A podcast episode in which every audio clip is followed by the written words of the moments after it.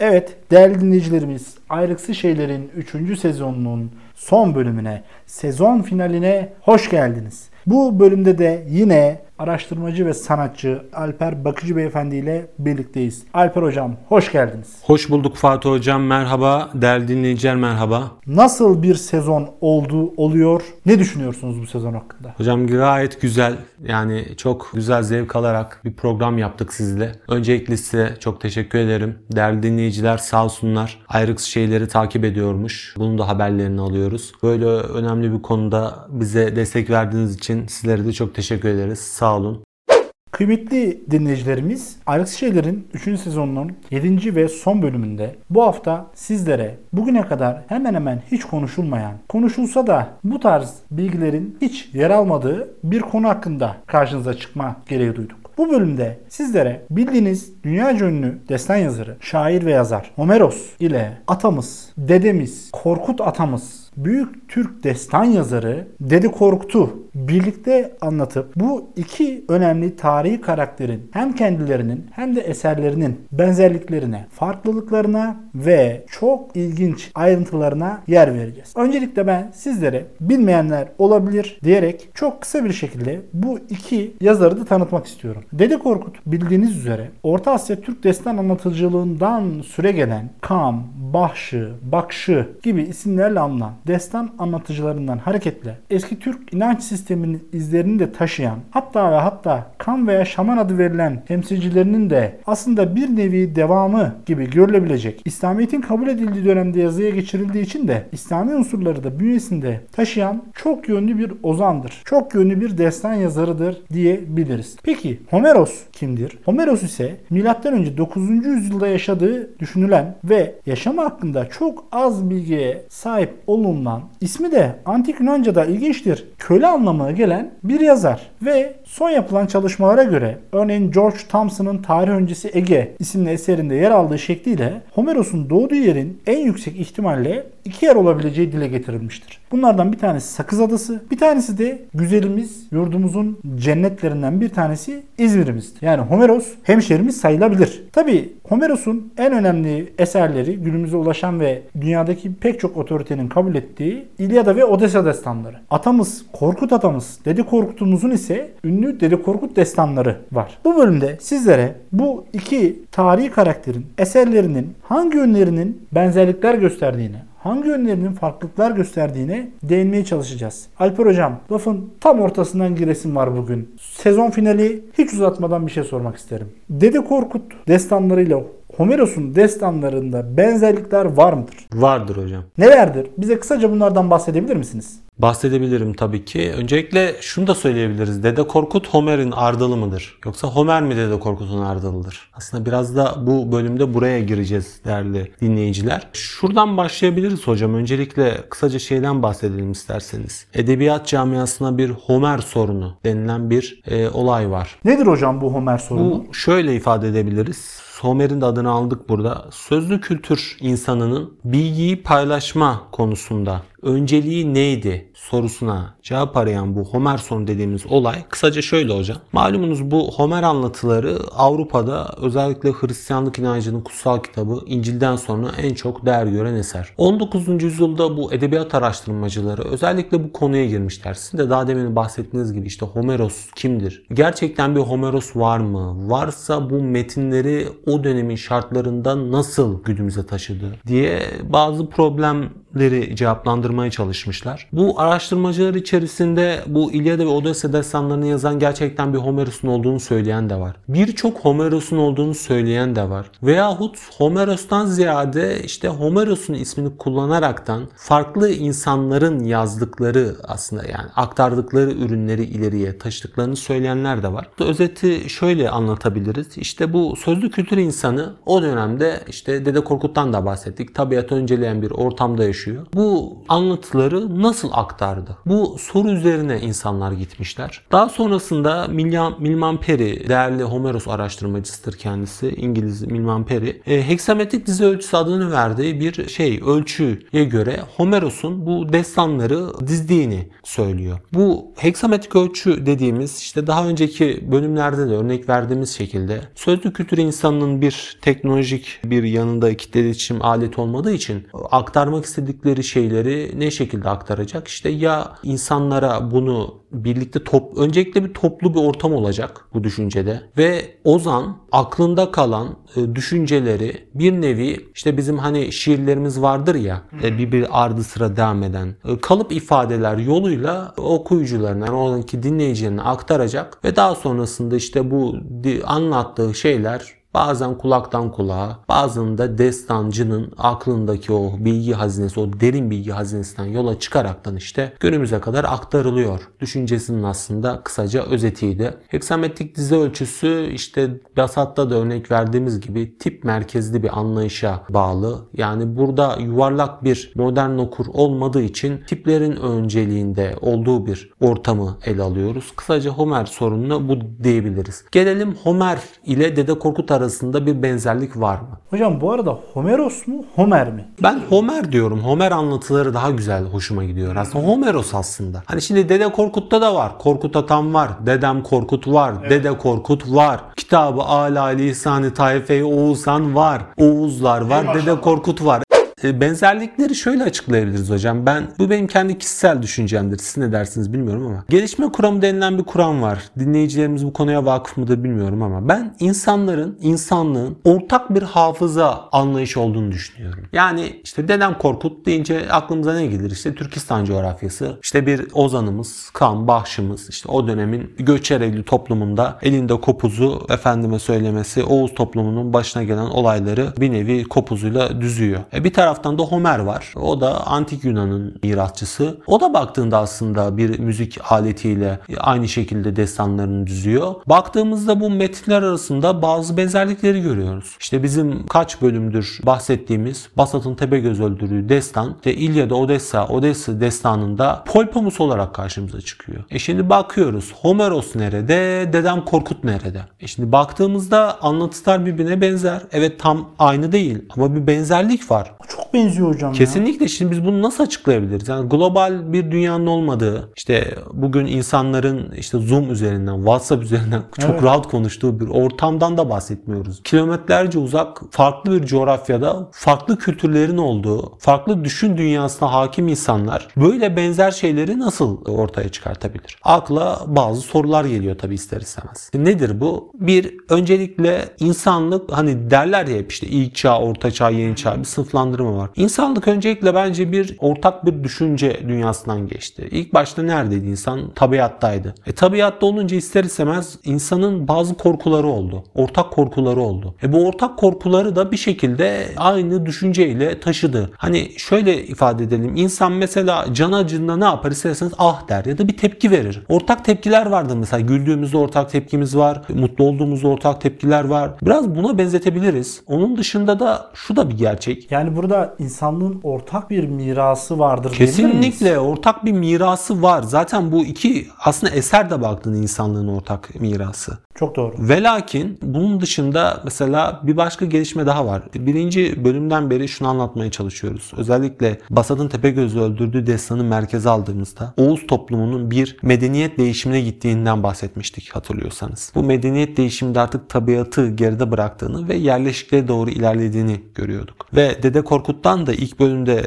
siz vermiştiniz herhalde örneği. Ben mi verdim hatırlamıyorum ama Dede Korkut'un coğrafyasından bahsetmiştik kısaca. Dedi ki bugün işte Azerbaycan, Gürcistan ve Doğu Anadolu bölgesini ele alıyor ama bu 15. yüzyılda yazıya geçirildiğinde ele alıyor demiştik. E şimdi baktığınızda aslında mekanlar da böyle şey. Dede Korkut daha eski de yazılmış olabilir. Ama Homer anlatıları baktığımızda diyeceksiniz ki İtalya'da, Yunanistan'da, Anadolu'da geçiyor. Ama 15. yüzyılda ele alınan Dede Korkut kitabı da Anadolu'da geçiyor. O zaman büyük ihtimalle ticaret yollarıyla bir şekilde bu toplumlar birbirlerini etkilemiş olabilirler. Ortak bir düşün dünyası olabilir. Veyahut bir batılı seyyah doğudan geçmiştir mesela Türkistan tarafından. Bu metinleri ele alıp şeye taşımıştır belki batıya ya da tam tersi de olabilir bizim için. Şöyle bir şey olmuş olabilir mi? Benim de aklıma şöyle bir şey geliyor. Evet hocam, buyurun. Çünkü hem bu konuda yapılan ciddi akademik araştırmalar da var. Hani bunlar sadece bizim benzetmelerimiz, bizim aklımıza gelen şeyler değil. Özellikle şu an Erzincan'daki üniversitemizde öğretim görevlisi olan doçent doktor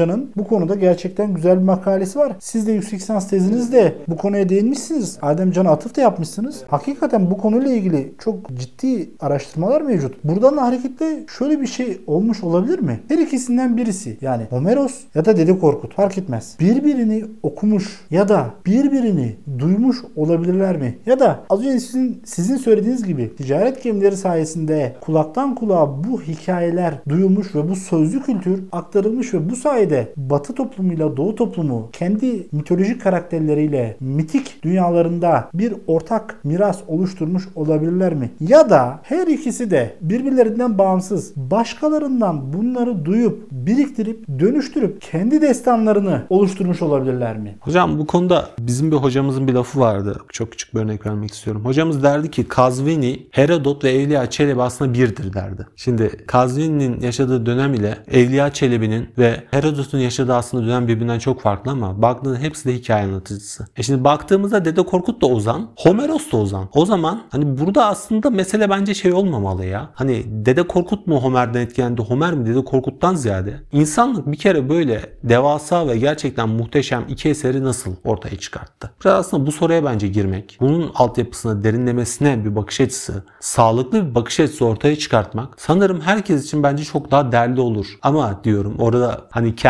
Dede Korkut'umuzu da şey yapalım şimdi önceleyelim.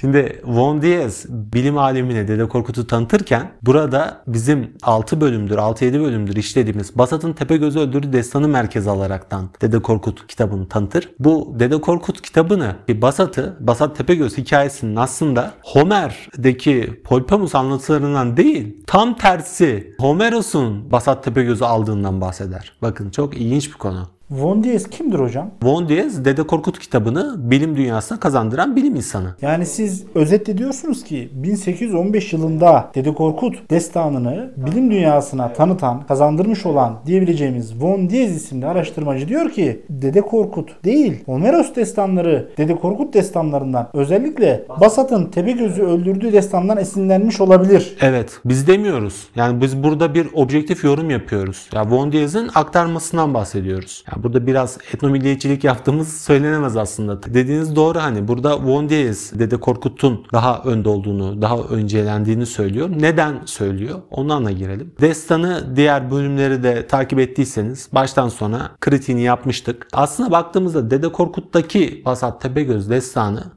Polpamus'tan daha geniş ve çok daha önemli alt göndermeler var. Hepsinden bahsetmiştik. İşte o doğum anı, Tepegöz'ün başına bela olması, işte Dede Korkut'un buradaki mitik gücü eline alıp Basat'ı ehlileştirmesi, daha sonra Tepegöz ile mücadelesi, Tepegöz'ün başının kesilmesi vesaire çok örnek vermiştik. Burada baktığınızda Tepegöz Basat hikayesinin daha canlı olması sebebiyle Von Diaz diyor ki hayır efendim Dede Korkut'taki Basat Tepegöz en azından Dede Korkut'taki Basat Tepegöz hikayesi Homeros'tan alınmadı. Homeros tam tersi aldı. Bakın ne demiştik hocam? Dede Korkut'ta 12 tane boy var. Evet bu 15. yüzyılda kaleme alınmış. Fakat Basat'ın Tepegöz öldürdüğü destan büyük ihtimalle diğer Dresden merkez alırsak 11 destan içerisindeki en iptidai, en geçmişteki destan. Çünkü ilginç bir yaratıkla karşılaşıyoruz toplumu. Evet. Ha bir de 13. boy biliyorsunuz şey oldu çıktı şimdi. Orada da kazan 7 başlı ejderha ile mücadele ediyor. Şimdi demek ki araştırırsa daha neler çıkacak. Yani şimdi belki de bu Basat'ın Tepegöz öldürdüğü destan aslında Anadolu'da değil de çok daha gerilerde, Orta Asya'da, Türkistan'da belki işte o Türklerin o kamlık döneminde belki ele alınmış bir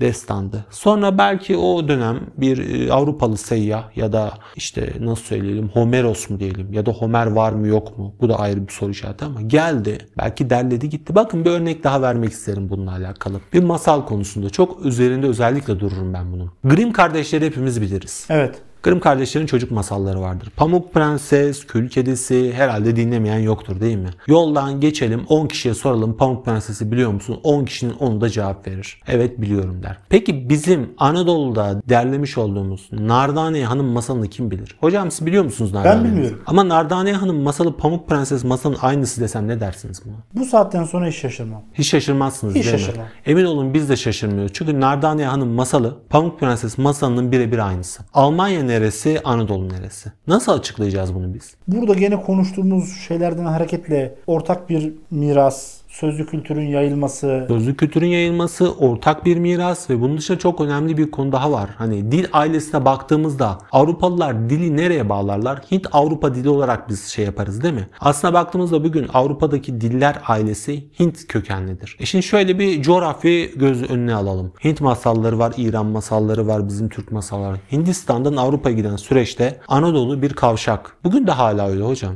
Bu coğrafya çok fazla göç verdi, göç aldı, ticaret yolları üzerinde bulundu. O dönemki ipek ve baharat yollarını ele alalım. Büyük ihtimalle Avrupalı seyyahlar ya da işte gezginler ya da işte anlatıcılar diyelim ya da doğudaki anlatıcılar bir şekilde bu anlatıları seyahatler yoluyla bir şekilde batıya götürdüler. Daha sonrasında işte bu halk kavramı merkezli o halk bilimi araştırmaları sonucunda Alman milli edebiyatının kurucusu Herder'in düşüncesiyle Herder der ki halkın ruhu hakkın ruhu anlayışını düşüncesini merkeze alan Grimm kardeşler Alman köylerini gezerekten Almanya'nın masallarını ve destanlarını derlediler. Değerli dinleyiciler burası çok önemli. Şimdi Almanya bir ulus devlete geçiş sürecinde öncelikle kendi öz benliğine dair o masallarını derledi ki bu bizde de aynısı olmuştur. Cumhuriyetin ilk kuruluş yılları Osmanlı'nın son döneminde. Daha sonrasında Grimm kardeşler bunları derlediler. Derlediler ama aslına baktığınızda o dönemin bir nevi kaba saba köylerinden derlediler. Fakat bu masallar daha sonra şehirde edebileştirildi. Sonra masal masal olmaktan çıktı. Çocuk edebiyatına indirgendi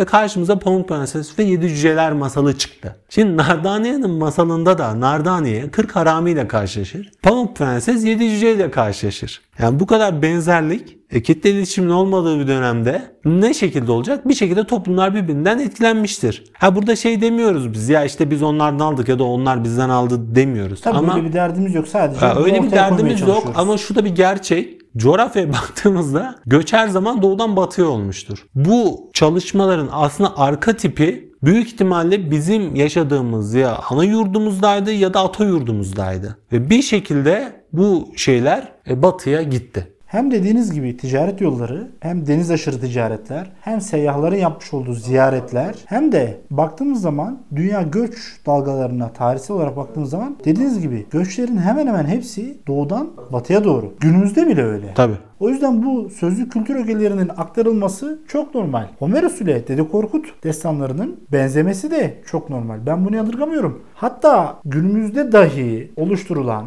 ve önümüze çeşitli sinema eserleriyle ya da romanlarla karşımıza konulan pek çok Yine eserde de bunun örneklerini görmemiz mümkün. Benim bir husus dikkatimi çekti. Şöyle bir durum var. Bakıyorum hem Yüzüklerin Efendisi Aa evet. serisinin yaratıcısı Tolkien'e bakıyorum. Bir yandan da Dedem Korkut'a bakıyorum. Arada inanılmaz bir benzerlik var. Özellikle bununla ilgili de makaleler var. Dinleyicilerimiz Google üzerinden bunları arattıkları takdirde akademik yazıları ya da köşe yazılarını görebileceklerdir eminim. Daha öncesinde bir metin araştırması yaptık yayınımızdan önce. Şöyle bir durum var. Bir karakter o kadar çok benziyor ki ben Tolkien'in Dede Korkut'u okumadığına inanamıyorum. Evet.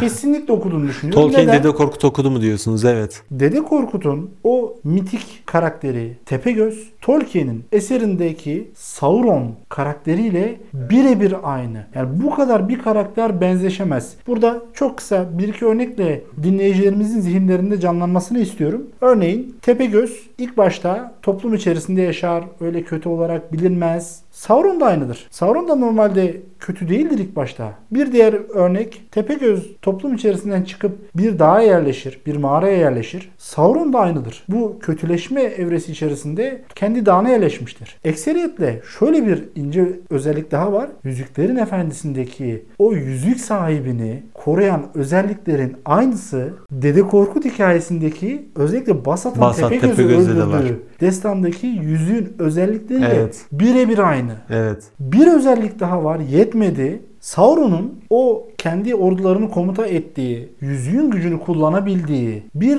tek gözü var. Bütün film ve eser boyunca bu tek göz, her şeyi gören bu tek göz ortadan kaldırılmaya çalışılıyor. Dede Korkut da Basat'ın Tepegöz öldürdüğü destanda da Tepegöz zaten tek gözü olan bir canavar. Ve mitik bir karakter. Yani bu kadar mı benzer? Tolkien, Dede Korkut okumadım diyemez. Ben zannetmiyorum. Kesinlikle Anadolu masallarına, Türkistan masallarına, bizim ya buraya ait ne varsa ben bir araştırmacı olarak incelediğini düşünüyorum. Tolkien Dede Korkut okudu mu bilemeyiz ama okuduysa da iki okumuş deriz. Tabii ki. Kesinlikle, kesinlikle iyi ki okumuş deriz. E, bakın işte bu metinler arasılık hocam baktığınızda. Tam olarak öyle. Bravo Alper Hocam. Kesinlikle, kesinlikle. Tepegöz belki Polpamus'tan çıktı. Belki de işte Tolkien Dede Korkut okudu ve bunu bir şekilde ne yaptı? Yüzüklerin Efendisi filmine aktardı. Bakın Tolkien Dede Korkut okudu mu okumadı mı bilmiyorum ama kültür endüstrisi yalnız bu konuda Homeros anlatılarının yanında diyebiliriz. Bakın burada aslında biz bu önemli bir konu bu olduğunu düşünüyorum. E şimdi Tolkien gitmiş bunu film yapmış değil mi? Yüzüklerin Efendisi kitap diye biliyorum. Ondan sonra Tabii tabii önce seri halinde yani seri halinde, sonrasında film seri dedi. halinde kitap olarak şey yaptı. Daha sonrasında film oldu. Bakın bu da aslında baktığımızda bu Grimm kardeşler gibi.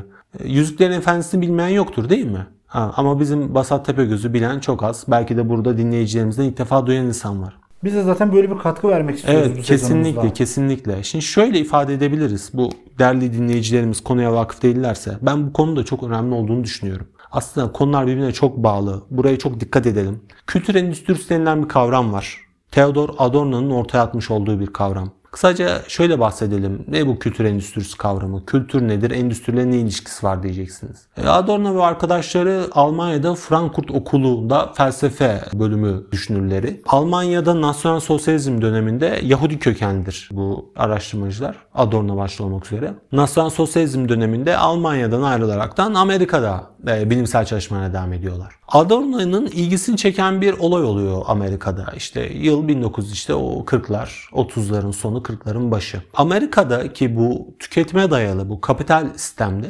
insanların kültürü bir şekilde tükettiklerini ve onu bir ekonomik pazara dönüştürdüğünü görüyor Adorno. Ve işte bu ortaya bu fikrini atıyor. Kültür endüstrisi fikrini ortaya atıyor. Ki bunun da en önemli aslında örneklerinden birisi Walt Disney'dir bence. Hollywood. Hollywood filmleri ya baştan sona bir kültür endüstrisidir aslında. Kesinlikle. Hollywood Walt Disney ile ben Yüzüklerin Efendisi arasında bir fark görmüyorum baktığınızda. O da bir sonuçta endüstri. E baktığımızda şimdi Grimm kardeşlerin çocuk masalları da bir endüstri. Neden? Çünkü Gr- Grimm kardeşlerin masallarında hocam Richard Wagner çalıştı. Richard Wagner de Hitler'in en sevdiği aslında opera sanatçısıdır. Ve ömrünü sadece Grimm kardeşlerin masallarını operaya aktarmakla geçirdi. Şu şeye bakar mısınız hocam? Sosyal bilimlerdeki sürekliliğe ve birbirini tamamlamaya. E şimdi baktığımızda burada kültür endüstrisi konusu Homer anlatılarını aslında burada biraz ön, öncelediğini görüyoruz. Şimdi biz Kiklop deyince, Polpamus deyince, tek gözü olan bir dev deyince e, bunun e, filmini görüyoruz. O gerisi operada, güzel sanatlar alanında çizgi filmini görüyoruz. Ama bizim Dede Korkut hikayelerinde bunu göremiyoruz. Neden göremiyoruz sizce?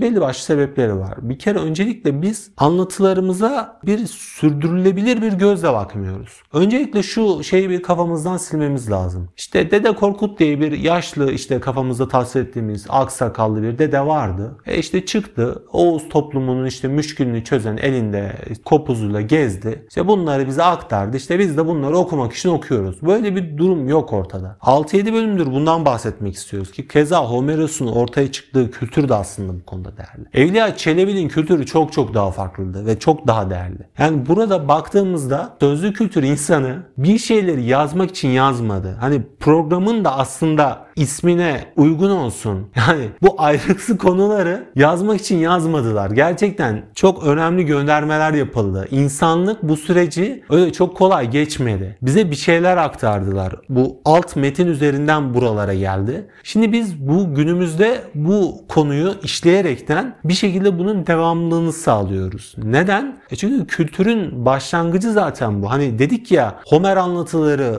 e, Avrupa'da Hristiyanlık öncesi İncil'den önce en çok çok değer verilen anlatıydı. E bizim Dede Korkut da baktığında aslında öyledir. Fuat Köprü demiştik ilk bölümde. Türk Edebiyatı'nı bir tarafa, Dede Korkut'u bir tarafa koyun. Dede Korkut ağır gelir. Şimdi burada şu konuda şu yorumu bence yapmak gerekli. Öncelikle hayata bakış açımız bu konuda milli kimliği ön plana alıp daha sonrasında evrensel değerlere saygılı olan bir toplum inşa etmemiz gerekli. Burada biraz öznel bir yorum yapmak istiyorum. Hani bu yol ile aslında insanlık ortaya konulan bu ortak mirası bir şekilde daha entelektüel bir duruş ortaya koyaraktan işler ise bu aslında insanlık için çok daha hayırlı olur. Mesela UNESCO'nun hocam 2005 yılında imzalamış olduğu çok önemli bir değerli bir sözleşme var. İnsanlığın ortak mirası ile alakalı kültürel ifadelerin çeşitliliği sözleşmesi var. Kültürel ifadenin çeşitliliği sözleşmesi her kültürün değerli olduğunu bize söylüyor. Yani Homeros destanları değerli ise Dede Korkut hikayeleri de değerlidir. Ama şimdi biz Dede Korkut kitabını aman canım Dede Korkut yazmak için yazmış. Homeros işte sonuçta Avrupalıdır. Avrupa'nın da dediği neyse doğrudur mantığıyla bakarsak bu biraz sanırım Reca, Recaizade Mahmud'un araba sevdasındaki yanlış batılılaşma örneği gibi olur. Ondan dolayı bu konularda daha derinlemesine olaylara bakabilmek ve entelektüel anlamda olayları sorgulayabilmek için bence bir bütünsel bakış açısına ihtiyaç var. Ve bu Dede Korkut konusunun yalnızca metin merkezli edebiyat fakültelerinde sınırlı olması gerektiğini düşünmüyorum. Ya Tolkien gitmiş, Basat okumuş, güzel yapmış. E bizim yönetmenlerimiz neden gidip Dede Korkut'u bir film yapmamış, bir çizgi film yapmamış, çizgi roman yapmamış? Bakın burası çok önemli bir konu. Yani kültür endüstrisi bugün günümüzde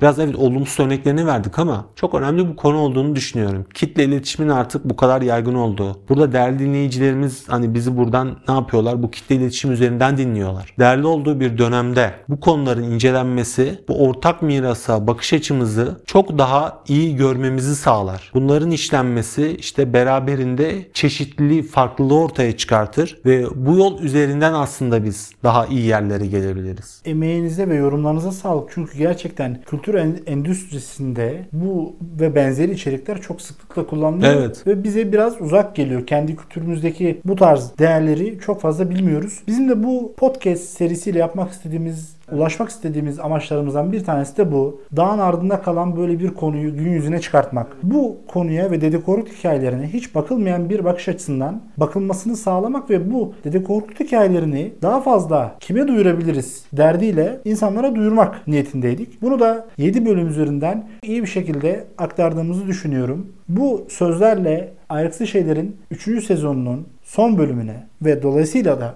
3. sezonuna son veriyorum illüstratör ve araştırmacı Alper Bakıcı Beyefendi'ye bu sezonda podcast serimize sunmuş olduğu katkılarından dolayı çok teşekkür ediyorum. Hocam ben de çok teşekkür ederim. Bu platformda konuştuğum için ben de çok memnunum. Bu konunun özellikle gündemde tutulmasını arzuluyorum. Bu programın ismine uygun olarak şöyle sözü bitirelim isterseniz. Sosyal bilimlere bir bütün gözüyle bakamadığımız müddetçe bu ayrıksı şeyleri anlamlandıramayız. Bundan dolayı sosyal bilimleri bir bütün gözüyle bakmamız gerekli. Bir arkeoloğun gözünden tarihi yorumlamak, bir halk bilimcinin gözünden sanatı yorumlamak, bir edebiyatçının gözünden bir iletişimi yorumlamak belki de bu ayrıksı konuların daha ön plana çıkmasını sağlayabilir değerli dinleyiciler. Hani bir bütün gözüyle bak bakarsak bir şeyler olur. Emin olun burada verdiğimiz bu Homer örneğinde, Tolkien örneğinde şu şeyi de aslında ülkemize biraz yapmamız gerekli eleştiriyi. Avrupa ortak bir geçmişe sosyal bilimlerde bir bütün gözüyle baktığı için bunları ortaya çıkartabiliyor. Biz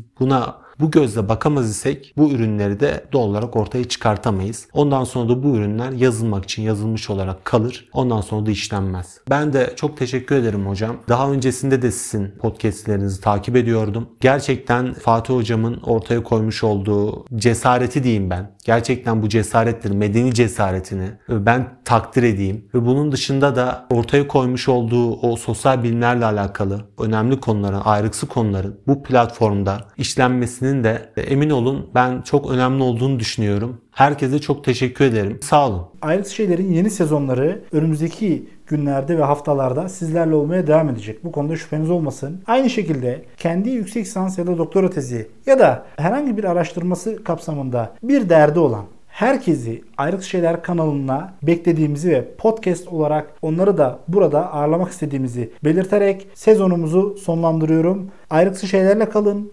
Bizi dinlemeye ve takip etmeye devam edin. Görüşmek üzere. Hoşça kalın.